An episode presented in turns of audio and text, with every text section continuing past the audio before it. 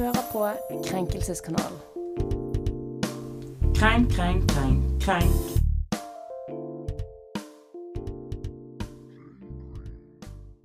Hei og velkommen til en ny episode med Krenkelseskanalen. Jeg er jo her som alltid Emma, og med meg i studio i dag så har jeg August. Hallo. Og så har vi med oss en gjest i dag. Ja, spennende. Hvem Fordi, kan dette eh, være? Hvem kan dette være? Fordi de to andre, Heni og Tiago, hadde ikke mulighet til å være her i dag. Og det er deg, Andrea. Det er meg. Velkommen skal du være. Takk. Det er en ære å bli spurt, holdt jeg på å si. Ja, egentlig er jo du banal politikk-programleder, men det er veldig kjekt at du har lyst til å være med oss her i Krenkelseskanalen. Ja, skal se hvor mye krenk jeg kan få ut av den verden, holdt jeg på å si. Ja, for du har jo allerede egentlig startet ganske greit. Jeg har vil på vegne av eh, alle i radioen og meg sjøl si unnskyld, for jeg tror jeg har krenket alle. Og meg sjøl, da. Yeah. Eh, alle i mitt liv, og alle som var, så meg i går. Vi hadde Tiril-pris i går. Eh, og for de som ikke er med i radioen, så er det en sånn prisutdeling for studentmediene i Bergen.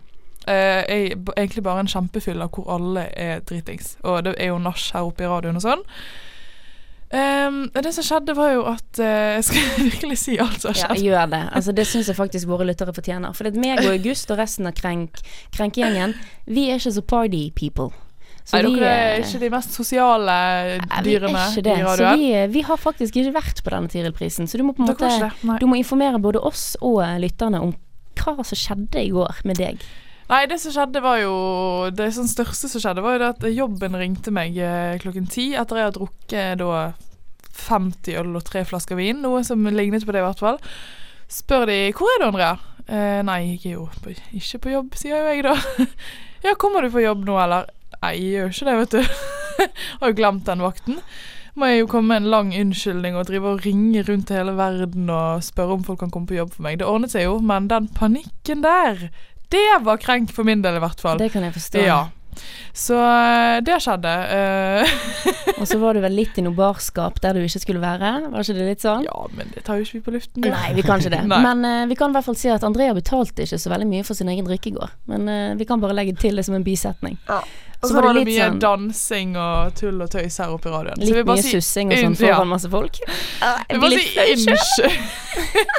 jeg vil bare si unnskyld på vegne av meg og mine. Ja, men det er lov. Nå ble Andrea litt rød, og det er bare lov. Det er deilig. Oh, gud, det svir da starter vi av med litt sånn krenk på egen, på egen person. Ja. Men det må være lov. Vi har jo også andre typer krenke, krenkesaker til dere som alltid. Det nærmer seg jo 17. mai, og vi har jo selvfølgelig klart å gulpe opp noe 17. mai-krenk. Dette gjelder litt sånn racist krenk, egentlig. 17. mai-komiteen i eh, Larvik i Vestfold eh, eh, Der har altså en eh, komitémed, et, et tidligere komitémedlem, Terje Antonsen, meldt seg ut i protest fordi at Larvik kommune sa ja til at det skulle være lov med utenlandske flagg i 17. mai-toget. Ja. Det kunne ikke han stå bak, så derfor så er ikke lenger eh, Antonsen eh, medlem av denne komiteen. Hva syns vi?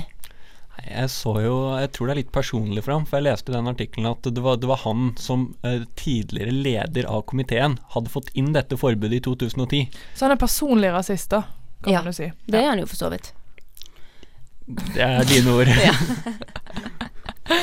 Men altså, ok, så det, man blir da altså krenket på vegne av at man i et eh, i et tog som skal feire den, den norske befolkning, mer enn egentlig den norske historien, er jo det dagen blir til i dag. Der man ikke har lov, syns han da, å bruke, å bruke flagg for andre nasjonaliteter. Det er, jo, det er jo selvfølgelig ekstremt spesielt for oss som er litt liberale eh, enn det Antonsen Ja. er. Men eh, kan, man på, kan man på noe vis forstå det? Ja, altså jeg kan prøve å forsvare han her, da. Altså, tross alt så er jo 17. mai så er jo det at vi feirer den norske grunnloven. Og da forstår jeg for så vidt at folk mener det er viktig å ha fokus på det norske, og at det liksom er den dagen hvor man kan faktisk feire det norske. For så vidt. Ja, men hva er det vi egentlig feirer? Jeg er jo eksempel ikke spesielt glad i 17. mai. Jeg syns festen er sånn krampesosial. Sånn sosial Alle dag. skal ha det så gøy og være Ja, og så er det liksom sånn du skal ha fullt av planer og sånne champagnefrokoster, og du skal liksom Jeg som menneske er ikke lagd for å bli full klokken åtte, og så skal det vedvare til jeg går og legger meg i tolvtiden på kvelden igjen. Også, det, sånn her, det blir så, det er så krampeaktig, for alle skal ha det så jævlig gøy. Så det er liksom også, det er jo bare blitt en rølpefest. Jeg har jo egentlig tenkt som 17. mai som en type sånn barnas dag. Ja. Med tog og sånn løpe med potet på skei og hoppe sekk, og at det liksom skulle Så jeg, jeg, det er jo ingen som grunn til å feire på en måte grunnloven som sådan. Kanskje de der reporterne på NRK. Det er på en måte ikke noe mer. Ja, men ikke sant? Når du sier at 17. mai er blitt en rølpefest, så vet jeg ikke om det er at 17. mai i seg selv har endret seg, eller er det bare du som er blitt eldre. Det kan hende at da du var ti år, så løp du rundt med potet eh, på skjeen, men så liksom har du ikke holdt på så mye med det liksom når du fyller 20, på en måte. Nei, men da er jeg også sånn Hvem er det det plager? Det plaget ikke meg da, det plager ikke meg nå å se andre flagg enn det norske i et 17. mai-tog. Han blir vel mer forbanna på prinsippet, som er derfor jeg vil utnevne han som personlig rasist. Ja, Ja, men for det der irriterer meg litt, fordi at Tilbake til hva er det vi egentlig feirer. Vi feirer den norske nasjonen. Hva er den norske nasjonen i dag? Nasjonalstat? Flerkulturell. Det vil ikke jeg hevde. Vi er en flerkulturell nasjon Ja, med sinnssykt mange minoriteter. Ja. Jeg syns jo det er dødsfett hvis jeg går i 17. mai-tog og ser at noen har kledd seg ut i kofte. Det, ja, sant. Det er jo dødsstilig, det. Samme som at jeg kunne også ja. feiret med det norske flagget eh, 6. februar. Sammen med det eh, eh, holdt jeg på å si, eh, med sameflagget. Fordi at altså, jeg syns 17. mai skal handle om at vi går sammen, eh, søster og bror, og holder hverandre i hendene og feirer Norges land. Dette var feirer vakkert. Ja, det var var fint, var ikke det? fint sagt, Emma. Spill, dette kan dere få sende til Terje Antonsen, så Ja. kanskje han endrer mening. Hva tenker du, gutt? Altså, uansett hva man mener, så mener jeg det blir, litt- det blir litt sånn smålig å skulle gjøre så big deal ut av det. Altså, han har- kom jo faktisk fikk en svær, svært oppslag i Nettavisen fordi at han skal si liksom Jeg nekter å være med i komiteen så lenge de tillater dette.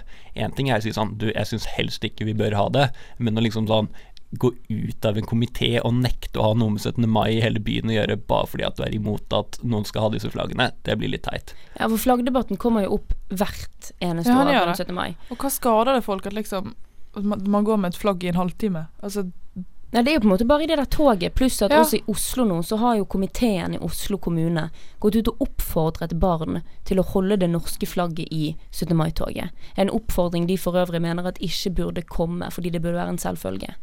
Altså, Ja. det er jo på en måte bare eldre hvite menn som reagerer på dette her. Altså, jeg tror jo ofte at dette er en sånn type sak som man gjør veldig stor. Det blir veldig stort i mediene uten at det egentlig er sånn veldig stort problem. Altså, jeg har ikke vært i Larvik på 17. mai, men jeg kan ikke tenke meg at det liksom er sånn at du, er, du skjønner at du er i Norge, og at det er 17. mai. Det er ikke sånn at det bare er utenlandske flagg. Jeg tror egentlig det går ganske greit i praksis. Ja, så at man liksom, liksom- lager disse sakene litt større enn de trenger å være. Ja, det er liksom som at de tror at liksom Å, vi kommer ikke til å kunne se et eneste rødt flagg. mm, Norgesflagg fordi at alle andre flagg kommer til å overdøve det norske. Alle kommer jo, alle hus kommer jo i grunn, bunn og grunn til å feire med norske flagg. Og så er det kanskje noen barn, familier, som går i toget og feirer at de fra sin nasjon også har lyst til å feire Norge. Jeg tenker det er utelukkende positivt at vi har flere flagg i 17. mai-toget enn bare det norske. Ja, det er kjempehyggelig. Er Antonsen berettiget krenket? Nei. Nope. Nope. Ingen måte. Vi er tilbake straks, og da blir det enda mer eh, 17. mai-krenk i form av bunadspolitiet. Vi høres. Du hører på Krenkelseskanalen. Krenkelsens, krenkelseskanalen er tilbake, og du hører på Studentradioen i Bergen. Vi eh, snakker fortsatt om eh, krenk på 17. mai, og nå i form av bunadspolitiet. Som er en sånn gruppe med spesielt damer, da, som eh, blir ganske hissig hvis folk eh, kjøper bunader eller bruker bunader som på en måte ikke er riktig ifølge deres prinsipper. En stor eh, del av dette bunadspolitiet blir jo veldig provosert over at mennesker nå får lagd seg bunader i utlandet, og mener at det ikke er ekte, og at det skal være norsk håndverk på disse bunadene. Eh, jeg skjønner jo godt at folk gjør det i utlandet. Jeg vet ikke, jeg har ikke norsk bunad. Eh, Hvor dyrt er det med en ny bunad? Du, det koster sånn 40 000. Eller 20, er mellom 20 og 40 sinnssykt. 000. Ja. Så mye penger det går i en bunad, da forstår jeg kjempegodt at folk reiser til eh, det vide utland for å få lagd seg en bunad. Og det er svindyrt. Ja, men altså poen, det, det de bruker som argument, da, er jo at eh, bunaden er det urnorske, og hele tradisjonen er jo at den ikke bare liksom er representerer Norge, men også laget i Norge. Fordi man, at for at vi skal klare å bevare denne tradisjonen, så må vi også fortsette å lage den i Norge. Og hvis du begynner å lage det i utlandet, så taper du kulturen rundt det å lage det i Norge. Men det er jo ingen her i Norge som lager sin egen bunad lenger, er det det? Før lagde man fikk bestemor til å lage den og sånne ting. Sånn så jeg som bestemor kommer aldri til å lage en eneste bunad, det kan jeg bare si med en gang. Nei, for du, altså greit nok sånn eh, Jeg har hørt om folk som har kjøpt i utlandet, og så har de kjøpt søljer Og så spesielt på damebunaden, så er enkelte bunader i hvert fall, så er det mye brodering. Sånn perlebrodering på belter og på de greiene man har foran brystet som jeg ikke vet hva heter. Lappen. Bringeduk. Bringeduk. Lappen er på en måte sånn firkantet lappe med perler på. Ofte de blir jo laget lokalt, men så er det på en måte det store og det hele av tøy og sånn blir på en måte sydd i utlandet. Eh, har full, full forståelse. Det jeg ikke har forståelse for, det er folk som bruker bunader som de ikke har noen form for tilhørighet til. Det er sånn som provoserer meg. Fordi at sånn Mm, ja. Greit nok at jeg er bergensk, jeg har ikke sånn Jeg tror ikke vi har Jo, vi har en grusom bergensbunad. Å, bløtkaken av en den, er, bunad. den er forferdelig. Den er enten eggehvit eller så er den blå. Og ser bare helt grusom ut. Vestlandsdrakten, though, den er ganske fin. Mm. Da har du en veldig pen eh, eh, skjorte med på en måte bryggen oppe på Ja, den er Pen. Den er pen. Jeg har en svensk bunad. Eller det er jo ikke en bunad, det er en folkedrakt. Ja, heter det bunad når det ikke er folkedrakt? Nei, Nei. overhodet ikke. Det en sånn, ser ut som en sånn, sånn gammel som melket kyr og sånn. Det ser veldig gammelt ut. Men det er jo fordi at min mormor var svensk, så det er på en måte nedarvet. Men folk som på en måte bestiller seg bunad ut ifra at bunaden Ja, men den var, telemarksbunaden var finere. Og så har du liksom ikke ett eneste eh, Du har ikke en eneste slektsdel av familien som kommer fra Telemark. Det er sånn jeg blir litt sånn Der pisser du på norsk bunadstradisjon. Ikke ved å kjøpe den lagd i Kina, på en måte. Men hvor sterkt skal dette kravet være? For før så var det jo veldig mye enklere. Da var det sånn du ble født et sted, så vokste du opp det stedet, og så hadde liksom ti generasjoner før hadde bodd i den lille bygda. Nå har du kanskje foreldre fra to forskjellige byer, du bor i en tredje by, du har bodd i en fjerde by. Altså hvor er det, hvor er det du kan velge bunad fra? Eh, eh, det her syns jeg er viktig. Eh, fordi at jeg syns Sånn egentlig så vil jeg tro at man eraser det leddet når vi skal over, over besteforeldre. Da gjelder det ikke lenger. Så du kan ikke si at uh, Nei, tippoldemoren min var fra ja. Nei, det er ikke lov, okay. syns jeg. Ja. Men hvis det er sånn at du har vært veldig mye og feriert hver sommer i det stedet som min tippoldefar kom fra, eller min oldefar kom fra, og du liksom har en mer tilhørighet til det stedet uten av at du har en oldeforelder som kommer derfra, da syns jeg du kan få lov å bruke bunaden. Samme som at jeg er jo ikke svensk, men jeg har jo vært der hver eneste ferie hele livet mitt. Du er jo litt svensk. Nja, jeg er jo på en måte ikke det, fordi Nei, det er min mormor. Det er langt uti der. Ja. Men jeg har en sterkere tilhørighet til Sverige fordi jeg har vært der så mye. Mm. Da syns jeg liksom sånn eh, Samme som at jeg kan like gjerne gå med et svensk flagg i 17. mai-toget, for jeg bruker ikke norsk bunad, så Antonsen syns sikkert jeg går helt forferdelig å ha i det toget. Men da syns jeg på en måte du har lov. Det blir, har liksom blitt sånn Telemarksbunaden har fått stempel som en utrolig fin bunad. Ja, den bruk, blir alltid brukt som eksempel på det. Og den er jo kjempefin. Og nordlandsbunaden blir alltid sånn Vinner alltid for den Mm. fineste, fineste bunaden. Og så går folk med de når de ikke har noen som helst tilhørighet til de stedene. Det det, blir, sånn- det blir veldig rart. For det gøyeste er jo å sitte på 17. mai og se på bunader, og det er på en måte så Å, hvor kommer den bunaden fra? Jeg syns det er vanskelig på herrebunader. Da er det litt sånn hipp som haps, for det er på en måte ikke sånne kjennetegn. Men med damebunader så er det liksom sånn ah, den er derfra, og den er derfra, og den er derfra. Men en ting jeg lurer på også, eh, bunadspolitiet. Begynner de å bry de seg om folk ikke går med bunad? Er det sånn de arresterer jenter som går i vanlige kjoler, på en måte? Det, vet du hva, det, det tror jeg ikke. Jeg lurer på om bunad kanskje kan begynne å forsvinne litt. Ja.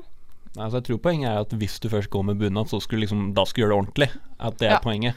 ja, du gjør ikke bunad halvveis. Nei, Nei, man gjør ikke ikke det. bunaden, Og så måte. er det på en måte for damer ekstremt vanlig å få det i komfen. Ja. Så det er på en måte Det er jo mye flere jenter som har bunader, Mm. enn det det er menn som har bunad. Sikkert fordi at sånn Unnskyldningen er alltid eh, Jeg vokser ut av konfirmasjonsbunaden min, så jeg må kjøpe den når jeg blir eldre. Det er jo sånn eh, Vi som får bunader, får jo de sånn to størrelser for stor Ja. fordi at vi liksom skal feites ut, Mm. og derfor passer den. Så det er jo en helt sinnssyk mentalitet. Men det er jo fordi det er så dyrt, så du har ikke råd til at liksom sånn Ja, om to år så passer du den ikke lenger. Men har du noen gang sagt fra til noen at du, den bunaden, den hører ikke til der du kommer fra. Det er ikke greit. Har du liksom konfrontert noen med det? Nei, men jeg tror jeg kunne sagt sånn Oi, det var litt teit. Hvis noen hadde sagt sånn Ja, hele familien min kommer fra Sotra. Men vi, jeg syns Telemark var så fint at jeg kjøpte den. Ja. Så du liker liksom å kunne sette folk litt i bås da, etter hvor de kommer fra? Etter hvor familien kommer fra? Nei, men jeg syns det er kjempespennende å se liksom Å ja, der kommer du fra, eller der har du familie fra, og at det liksom er noe Mm. gøy. Jeg har faktisk hardangerbuda, men jeg aner ikke hvorfor. Nei, du har vel ingen familie fra Hardanger? Nei, Overhodet ikke. Ja, for da kan jeg si Det syns jeg er litt teit, Andrea. Ja. du, du krenker meg Eller da er jeg Du på en måte krenker krenk- Jeg krenker bunadspolitiet. Ja, du, du krenker på en måte ikke meg, men jeg Du er sier jo meg del av Nei, jeg sier meg Jo. enig i den kritikken. Altså, jeg er jo ikke så barkant at jeg hadde sagt sånn, men jeg syns det er teit, Andrea, og jeg syns ikke at du skal ha den på deg på 17. mai. Jeg er på en måte ikke der. Jeg sier bare sånn, det er teit, ha det i bakhodet til neste gang. På Bare, bare litt dårlig samvittighet, men du kan gå med den, bare skam deg. Ja, Ja. rett og slett. Det er det jeg tenker. En, bunadspolitiet, er de legitimt krenket? De er aldri legitimt eh, krenket, syns Nei, når du er kaller deg sjøl for bunadspoliti, så Ja. er du ikke legitimt krenket. Og du kan ikke være krenket når det dere selger koster opp mot 40 000 kroner. Ja, det blir for dumt. Eh, Bunadspolitiet ikke legitimt krenket. Da er vi straks tilbake, og du hører på Krenkelseskanalen. Vi er tilbake, og du hører på Krenkelseskanalen. Neste sak vi skal ta for oss, det er altså Childish eh, Gambino. Som er en rapper som egentlig heter Donald Glover. Som har laget en musikkvideo og en låt som heter This Is America. For det første er dette musikkvideo vi anbefaler dere å se, for den er grådig god. Men den har eh, fått ekstremt mye medieoppmerksomhet eh, fordi at videoen inneholder altså ekstreme mengder symbolikk. Eh, vi skal prøve å ta dere gjennom litt av denne symbolikken. Det er, For det første så er det Det starter med at han skyter en dude som sitter og spiller gitar. Og da går han ned i en sånn positur som liksom skal etterligne en såkalt karikaturtegning med navn Jim Crow, som på en måte ble navnet på de rasistiske lovene som Amerika påførte den afroamerikanske befolkningen. Så går han også i noen sånne bukser som for meg egentlig ser ut som joggebukser. Men det er det tydeligvis ikke. Det er bukser som skal referere til sørstatssoldatene i eh, eh, borgerkrigen i USA. Og da vet vi jo at en del av de sørstatssoldatene, det var jo slaver eid av, eh, av um, hvite sørstatsfolk. Videre så er det altså eh, Døden på den hvite hest, som er en bibelreferanse. Eh, Moseboks Nei, ja, Mosebok 6, tror jeg. Det kommer altså en hest ridende bak i denne filmen. Og det er da en referanse på at på måte, når den hvite hesten kommer, så kom, følger døden. Noe, altså sånn Bibelreferanse har jeg liksom ikke stålkontroll på, men det var det de sa. Så er det også en ganske fin sånn scene der det står et gospelkor og synger. Og da kommer den her eh, Gambio ut, og først begynner han å danse med det, men så snur han seg rundt, og så skyter han hele gospelkoret.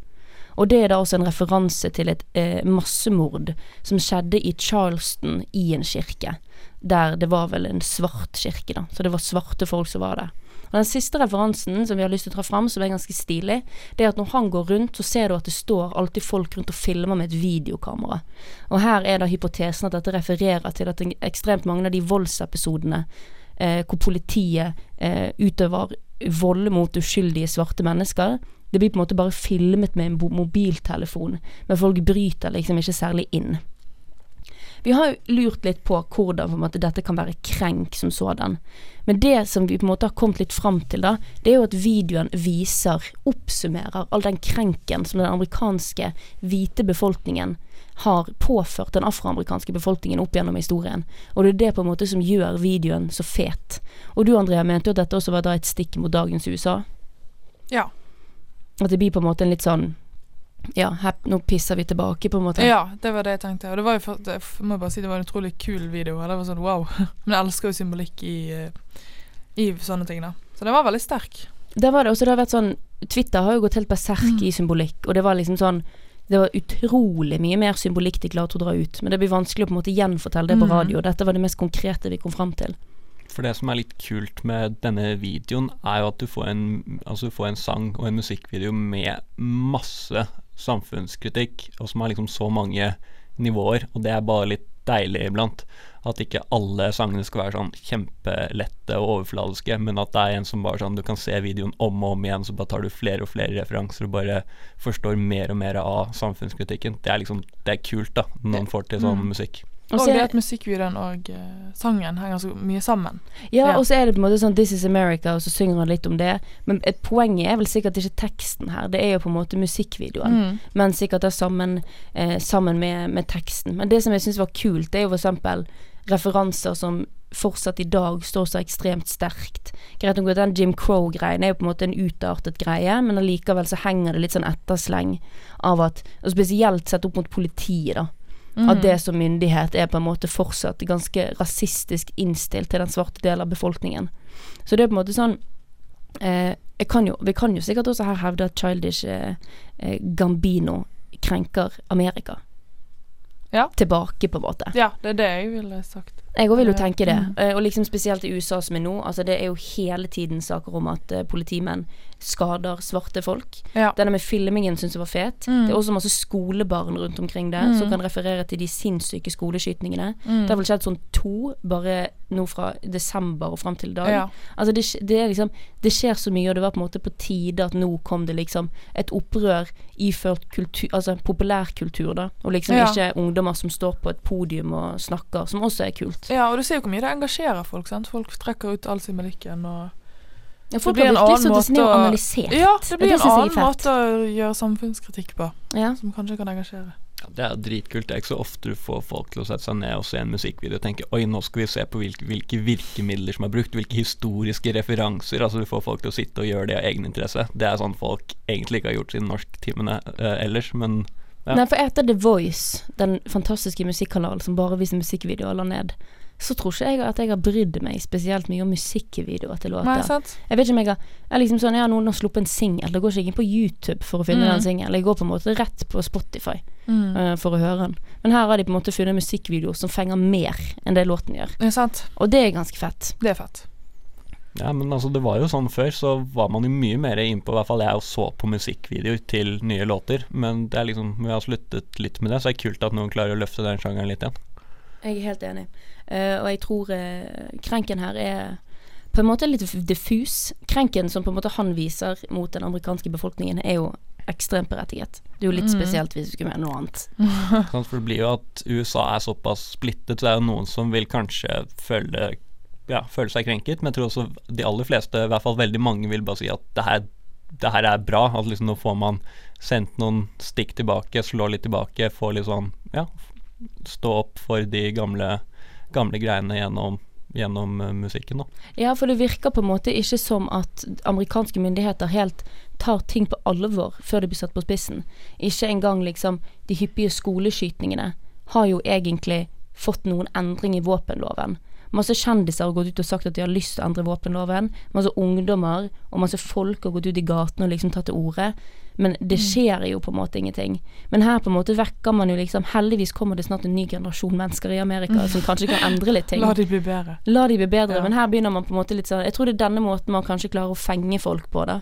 At det der med mord og drap, at det kan komme litt for At man frivillig distanserer seg fra det fordi det er så jævlig.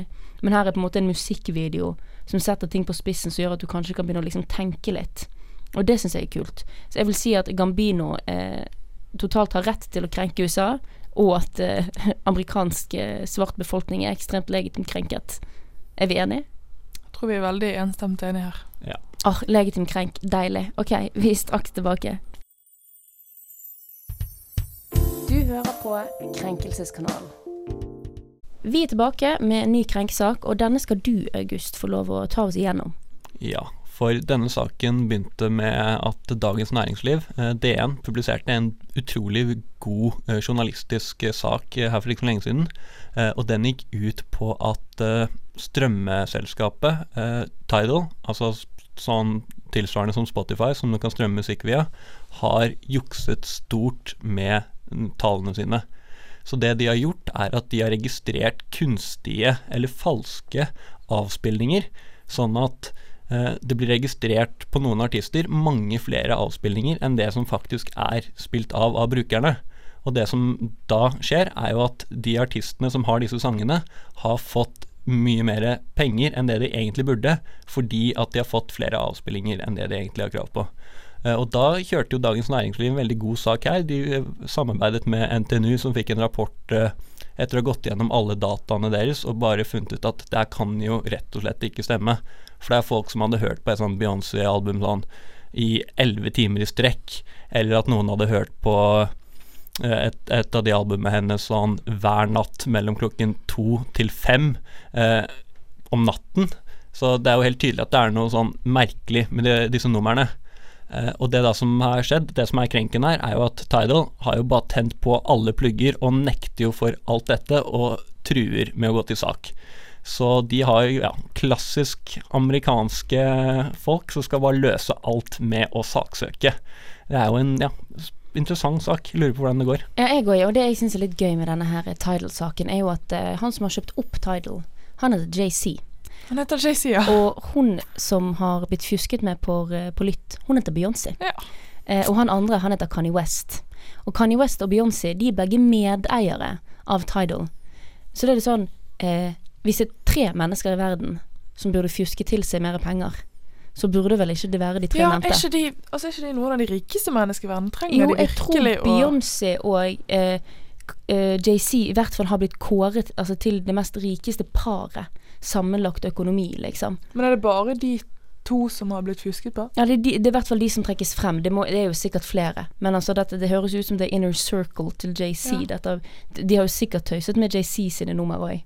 Men hvorfor må de gå inn og redigere tallet? Kanskje de bare tar penger fra firmaet sjøl? Altså, må de gå den omveien? Jo, for jeg tror vel at du gjennom eh, lytt får penger for eh, av selskapet som har produsert låten. Er ikke det litt sånn?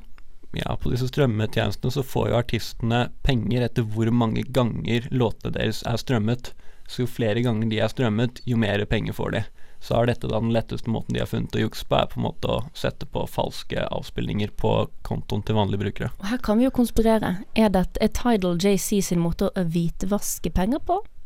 Åh, vi, vi, i fjor, I den forrige episode var vi ekstremt konspiratoriske, så vi skal på en måte ikke dra, gå ned den veien der igjen.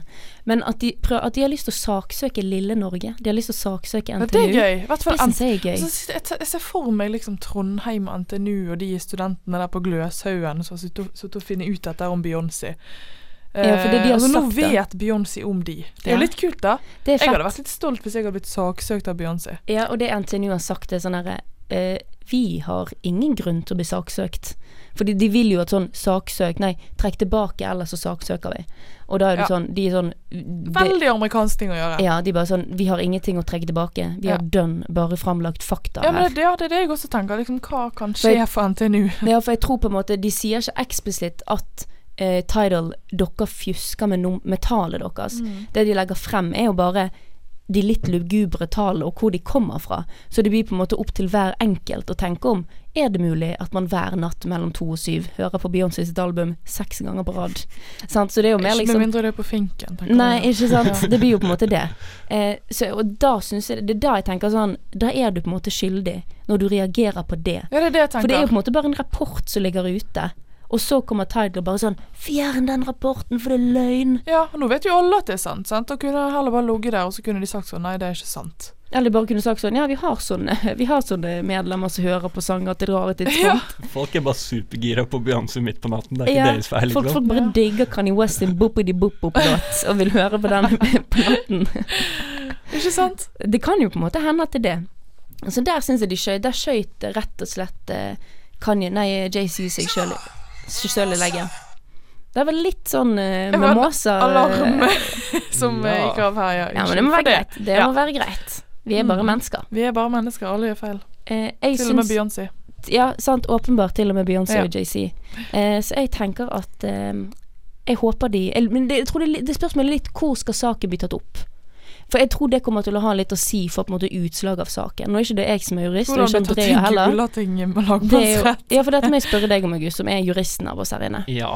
Eh, kom, kommer ikke svaret her litt an på om de går til sak i USA, eller om den kommer til å bli tatt opp i en eh, norsk domstol?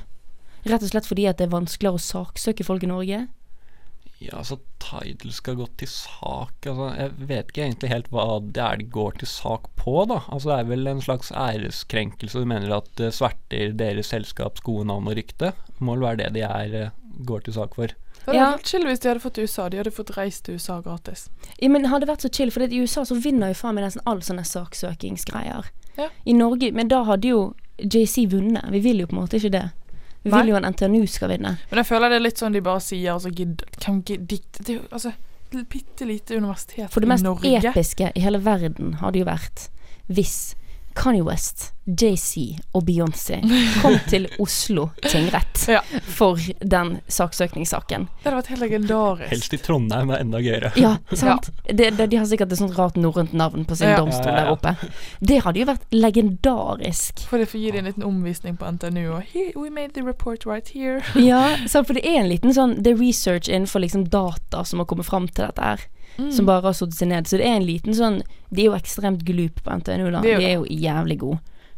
Men det er jo tross alt, som må huske, det er jo Dagens Næringsliv egentlig som har gjort det skupet her. Det er de Mm. som har gjort gravejournalistikken, og så har de fått hjelp av NTNU for Men det er liksom NTNU de går til sak mot. Ja, ok. Ja. Ja. Så det er ikke Dagens Næringsliv. Dagens Mm. Næringsliv har jo på en måte bare formidlet De kan jo kanskje JC kan jo kanskje klage til PFU. Pressens faglige Det kan han gjøre. Hvis han vet hva det er for noe. Hvis han vet hva det er. Sånn at Dagens Næringsliv må ut og skrive Vi beklager for at vi delte, delte den rapporten. Det var en ganske grundig sak. Jeg tror egentlig de har sitt på det rene. Ja. JC i hvert fall rimelig krenket. Er han berettiget? Neppe. Nei. Neppe. Eh, Det er veldig synd hvis dette faktisk er legit, men eh, du ødela på en måte storyen din Ja, ved jeg å tenker de har krenket seg sjøl, jeg. Ja, sant. Ja. Ved noe grunn til kritis- når noe går ut og på en måte trør med saksmål, da, Mm. da skjønner man at man er skyldig. Så nei, Nei, det man kan jo gå til søksmål selv om man er uskyldig. Altså, Ja, men ikke på sånne type ting. Jo, altså det, er jo, det ødelegger jo deres rykte uansett om det er Ja, sant men eller hvem i. Norge har gått til sak, sak uten at de har vært legitime? Jo, hvis du blir æreskrenket for noe du ikke har gjort, så kan du gå til sak på det, selv om du ikke Eneste har som gjort kommer det. opp i mitt hode, det er nazifrisør fra Bryne. Og jeg tenker liksom sånn Du òg var på en måte ikke legitimt krenket whatsoever. Så derfor tenker jeg, når folk går til sak på æreskrenk, og ikke klarer å det bare legge det bak seg, da er du ofte, er du ofte dusten sjøl, ass. Eh, men da kan vi i hvert fall her i eh, Krenkelseskanalens studio konkludere med at JC, du er ikke legitimt krenket. Vi er tilbake, og du hører fortsatt på Krenkelseskanalen. Neste sak, det er altså Selena Sefani. Eh, en eh, opprinnelig afrikansk, vil jeg anta, eh, kvinne fra Det høres ut som Rogaland-distriktet på det klippet vi har sett. Det er bare en antakelse fra min side. Hun er lei trakassering, og da seksuell trakassering. Og spesielt dette med klåing. Så hun har rett og slett i Oslo åpnet den første toppløsbaren. Jeg syns det er så kult, jeg. Du syns Det er er fett? Kjempegøy sak. Ja. Ja, for vi har sett litt bilder fra den eh, toppløsbaren, og der er det på en måte deres forsøk på å avseksualisere kvinnelige bryster. Der er det mye sånn bilder av de, der det er sånn her De sitter naken, eller naken gjør de ikke, men i truse. Og så er det sånn 'Still not asking for it'. Eh, som er en typisk slogan i sånn her rape- og seksuell trakasseringsdebatt. Hva syns vi?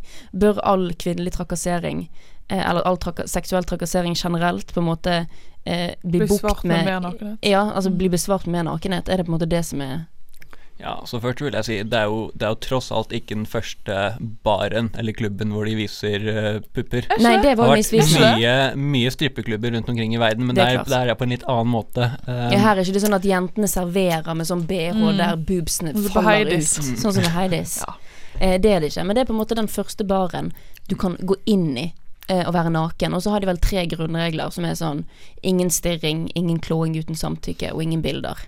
Som er på en måte greie ground rules når Jeg du skal ha en var, jeg trodde at det eh, var faktisk at du kunne velge hvor lite du skal ha på deg, at du kunne egentlig gå der naken. Ja, sånn? men da tror jeg de da, Det blir vel kanskje ikke offentlige steder hvis hun er driver det. Da blir det vel kanskje privat eiendom. Men da kan man vel komme i litt sånn clinch med myndigheter, kanskje man det? Nei, det vet jeg ikke. Nei. Jeg, ikke, jeg, Jeg bare sikker. spør deg om alt om lov, for jeg tror du liksom kan Du hele tror jeg kan alt som har med jus å gjøre. Jeg har gått snart et år. Jeg kan litt forvaltningsrett og litt Ja. avtalerett. Men Men jeg har altså, ikke vært på sånn pupperett og sånn ennå. Jeg vet ikke når det kommer. Men jeg tenker sånn, det er på en klubb, folk danser, folk blir full, man dulter jo borti hverandre, man gjør jo det. Uh, Ja, og så reagerte jeg litt på det hun sa om det er ikke lov å stirre.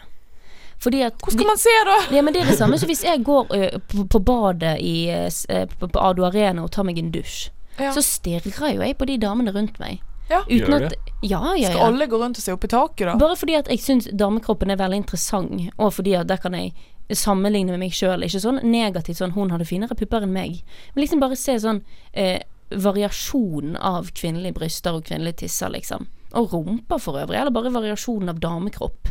Som jeg syns liksom er litt sånn Ja, men det er litt hyggelig å se at vi er forskjellige.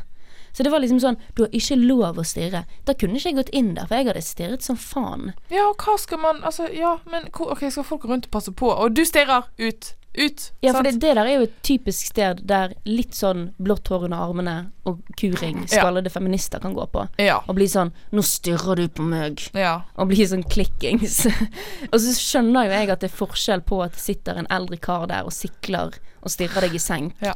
enn at jeg går og liksom 'Oi, der var det noen silikonpupper, og der var det nippelpiercing', og liksom Men altså, det er på en måte den der regel, det er ikke lov å stirre. Det syns jeg var bastant. Nei, men den regelen skjønner jeg faktisk veldig godt, hvis du skal ha det konseptet her, da. Og det er jo på en måte at eh, hvis du har folk som er ubehagelige, så må du på en måte ha noe å ta dem for. Så kan du ikke si sånn «Eh, 'Jeg rørte deg ikke, da'. Og så liksom hvis noen sitter og bare stirrer på deg i ti minutter, stirrer på puppene dine i ti minutter, så er det ganske ubehagelig.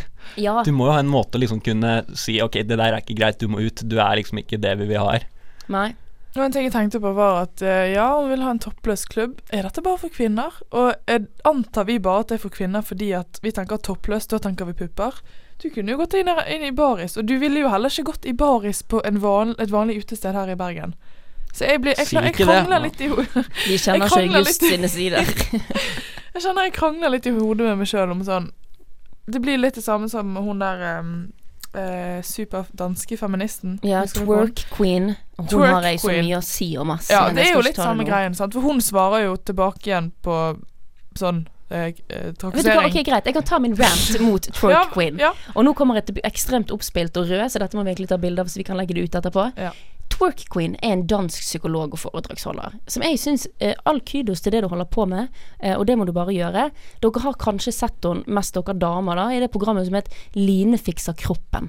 Var det det? Eller Ja. selvbilde? Mm. I hvert fall når denne her Line Elfsås-Sagen, hun med rosa hår i NRK, går liksom rundt og i ulike episoder og skal fikse sitt eget selvbilde. Den ene gangen så reiser hun til en sånn dansk trio som tar, na som tar seksualiserende bilder av seg sjøl, veldig lettkledd, og legger det ut på en Instagram-konto. Der hun på en måte stiller seg litt skeptisk og sier sånn Men dere seksualiserer jo dere sjøl ekstremt på disse bildene. Og da er Twerk Queen en av de som klikker, mens hun sitter i sånn minitanger på den sengen, og sånne der eh, dots på brystene. Og sier sånn Ja, hvis gutter har lov å runke til dette, så må de bare gjøre det, for dette her er min frigjøring, og det, jeg gjør det for meg sjøl. Og det er helt greit nok. Men Twerk Queen, så det ligger i ordet, sin Instagram-profil, den handler i bunn og grunn om at hun twerker til ulike themes. For eksempel på jul, da twerker hun med sånn nisselue på rumpene, og liksom Og så er poenget at hun gjør det og sier at det er på en måte feminisme. Og det provoserer meg litt, for det, det hun gjør der, det er at hun eh, reproduserer en trend som er blitt skapt begynner det å bli litt rød i kinnet. ja, skjønner du. Som er blitt skapt av patriarkatet, og dette blir sånn feministisk teite ord. Men altså poenget er at twerking er en trend som er skapt av menn for å seksualisere den kvinnelige rumpen. Og det er ingen trend som liksom er kul eller kvinnefrigjørende. Det, er, det har aldri vært, og det kommer aldri til å bli det. Så når hun gjør det og sier at det er feminisme, så er det eneste du gjør, jo bare å reprodusere noe som menn har lyst at damer skal gjøre, for at vi seksualiserer vår egen kropp. Og det du gjør nå, det er at du seksualiserer din egen kropp, og det går på bekostning av oss andre damer. Så twerk queen fra Danmark, åh, provoserer meg, ass. Ja, det, Så jævlig. jeg føler at det blir litt samme greie med denne toppløsklubben, egentlig. Ja, for jeg er ikke enig i at seksuell trakassering skal fjernes ved mer nakenhet. Det skal fjernes Ja. med at vi lærer en grunnleggende respekt for noen. Ja, sant. Og jeg tror ikke ja. August lærer respekt for meg ved at han ser meg naken. Jeg tror han lærer det gjennom samtale, gjennom å vokse opp hos foreldre og en skole som forteller deg at gutter og damer, jenter og gutter, betyr like mye, og kroppene deres betyr akkurat det samme. Jeg tror ikke det liksom Det hjelper ikke at 'Å, her er puppene mine, se på de', og så skal det liksom hjelpe. Ja, men få ta de her toppløsklubben litt i forsvar, da. Altså Poenget med dette er jo at du skal ufarliggjøre det, og at det skal på en måte bli vanlig og akseptert å se pupper uten at settingen nødvendigvis trenger å være seksuell. Og at når man da klarer å eh, sk ja, skille de tingene, at man kan se pupper uten at det er seksuelt, så blir det ikke sånn alt fokus på pupper og kropp er ikke nødvendigvis seksuelt. Og det er det som er deres hensikt, at du liksom skal ta bort den tette forbindelsen, da. Ja, og det kan jeg være enig i. Samme som liksom sånn nippelforbud på Instagram. Syns jeg er- kan være bullshit, liksom, når det ikke gjelder for menn òg. Så jeg ser jo på en måte poenget deres. Det er bare liksom den der få bukt med trakassering gjennom nakenhet. Jeg har litt problemer med det konseptet. Så tenker jeg, Har vi kommet så langt når til og med kvinner ikke får lov til å amme i offentligheten? Har vi kommet så langt at vi da kan eh, starte en toppløsklubb i Oslo uten at folk kommer til å misbruke det på en eller annen måte? Ja, for det var liksom sånn ingen klåing med mindre samtykke. Ok, så ved samtykke, da. Må skrive under på en sånn Altså Så- Det blir samme som Ja, sånn som Ja, men sånn selvfølgelig skal folk lov å kline på den klubben der. Men det blir veldig vanskelig for meg å på en måte sånn Her står det to damer og kliner naken. Men det er ikke seksualiserende. Det er helt normalt. Altså Noe skal jo få lov også å på en måte assosiere sex og seksualitet uten at det skal være så ille. Så det er liksom ingenting skal være sexy lenger. Nei, Alt skal sant? være usexy. Altfor lite sex nå for tiden. Ja. Nei, men alt skal, være, alt skal være for lite sexy på personers egen bekostning. Ja. Det skal liksom gjøres sexy av an alle andre, for utenom den personen det egentlig gjelder. Men jeg er liksom sånn Jeg syns jo på en måte tanken hennes er god, og jeg skjønner at det kommer av et sted, fra et sted med som bygger en jævlig stor frustrasjon. Og det er jo også det som gjør at jeg ikke liker Twerk Queen. Det er jo frustrasjon som gjør det. Jeg bare Jeg tror jeg hadde gått fram på en annen måte når jeg skulle ha løst dette problemet. Og det blir en litt lett løsning, tenker jeg da. Det, Ja. det er liksom Ja, men si hva du vil, men de gjør jo i hvert fall noe for å løse det. Du kan være, du kan være uenig i fremgangsmåten, men hun har i hvert fall en mening noen har lyst til å få gjort noe med, og så går hun faktisk ut og gjør noe. Og så kan du si at ok, kanskje det ikke funker, men ja, hun prøver, da. Det, er jo, det kan jo hende det funker. Ja, så du tror at, at menn og kvinner får være i samme rom naken med hverandre, kommer til å få bukt med en del seksualiserende problemer? Nei, men altså, jeg vet ikke, liksom skal jeg si at dette er ikke den riktige løsningen på problemet, derfor skal ikke du få lov til å prøve den løsningen? Nei, jeg sier at hun ikke skal få lov å gjøre det. Jeg sier at jeg er uenig i fremgangsmåten. For jeg tror ikke Jeg tror ikke, jeg tror ikke liksom seksuell trakassering bygger i det. Jeg tror det bygger i hvordan vi er vokst opp, hva vi har lært, hva vi har sett. Jeg tror det bygger på veldig mye mer enn at bare eksponering av en naken kropp skal få bukt med et sånn type problem. Det er et samfunnsproblem. Det er ikke et problem som liksom menn har seg imellom. Det er noe som gjelder for alle. Og derfor tror jeg ikke at nakenhet kommer til å hjelpe det. Hva tenker vi? Nå skal jeg slutte ranten min. er, er Nei, jeg støtter din påstand, jeg, men jeg syns det blir en sånn quick fix, og de tenker at OK, da bare kler vi av oss, og går, så får alle sett en pupp, og så er de ferdig med det. Da er ikke det så spennende lenger. Nei, sant, så jeg skjønner jo selvfølgelig at hun er krenket av å på byen, har møtt ekle menn som har gått over hennes grenser, men jeg syns ikke dette her er en legitimt svar på krenken hennes, hvis dere skjønner hva jeg Ja, mener. Ja, den er støtter jeg. Og den er jeg uenig i. Er du enig i den? Det ikke er et legitimt svar på krenken. Ja. Altså, Vi er jo enige med at hun sikkert har blitt krenket mange ganger i utgangspunktet. Og det er legitimt. Ja, det er vi enige om. Hvordan hun velger å svare på det, ja, for min del kan godt gjøre det. Kanskje det kommer noe godt ut av det. Jeg skal til Oslo i nærmeste måte for å si det For sånn. For å si det sånn, da. Så meg og det kan, de vinner meg og deg, Andrea. Da får vi er to mot én. Ja. Dette her er ikke et legitimt svar på seksuell trakassering. Enig. Da er vi straks tilbake, og da skal vi kåre vinneren av sendingens krenkebenk. Du hører på Krenkelseskanalen. Vi er tilbake, og vi er nå kommet fram til eh, Krenkebenken. Den ukentlige spalten hvor vi eh, skal kåre vinneren av en imaginær benk. Krenkebenken, der blir de som er minst legitimt krenket i eh, denne sendingen, plassert. Der sitter de i godt selskap med Langeland og Arim Behn, og meg blant annet, for jeg er også blitt plassert der. Jeg eh, vil eh, begynne showet. Jeg har lyst til å nominere Selena Sefani, som svarer med nakenhet på seksuell trakassering. Ikke legitimt svar i det hele tatt. Eh, Jeg har lyst til å nominere godeste Antonsen fra Larvik, som melder seg ut av 17. mai-komiteen fordi han ikke vil at det skal være utenlandske flagg i toget. Og jeg har lyst til å ta et uh, flagg for uh, Beyoncé og JC, fordi at uh, de har klart å krenke seg sjøl med å eh, rote seg opp i det pengetullet på egen hånd.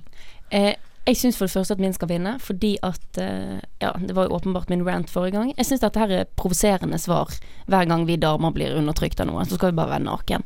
Det er idiotisk at det på en måte skal være vårt svar. Vi skal få bukt med det gjennom samtale og læring, ikke gjennom nakenhet. Nei, jeg er uenig, fordi at Eller kan, jeg er for så vidt enig med det, men jeg er uenig med at hun skal havne på krenkebenken, fordi at hun har jo blitt legitimt krenket i utgangspunktet, og så bare mener du at hun bruker en dårlig måte til å svare på det. Og det er jo ikke Det, er jo ikke, det betyr jo ikke at hun ikke er krenket. Nei, greit, kanskje jeg må gi meg på den. Tidalssaken syns jeg bare er lol, så den kan også få lov å vinne. Ja, fordi jeg at tenker at den vært- er så lol i seg sjøl at øh, i hvert fall, De to andre har nå i hvert fall prøvd.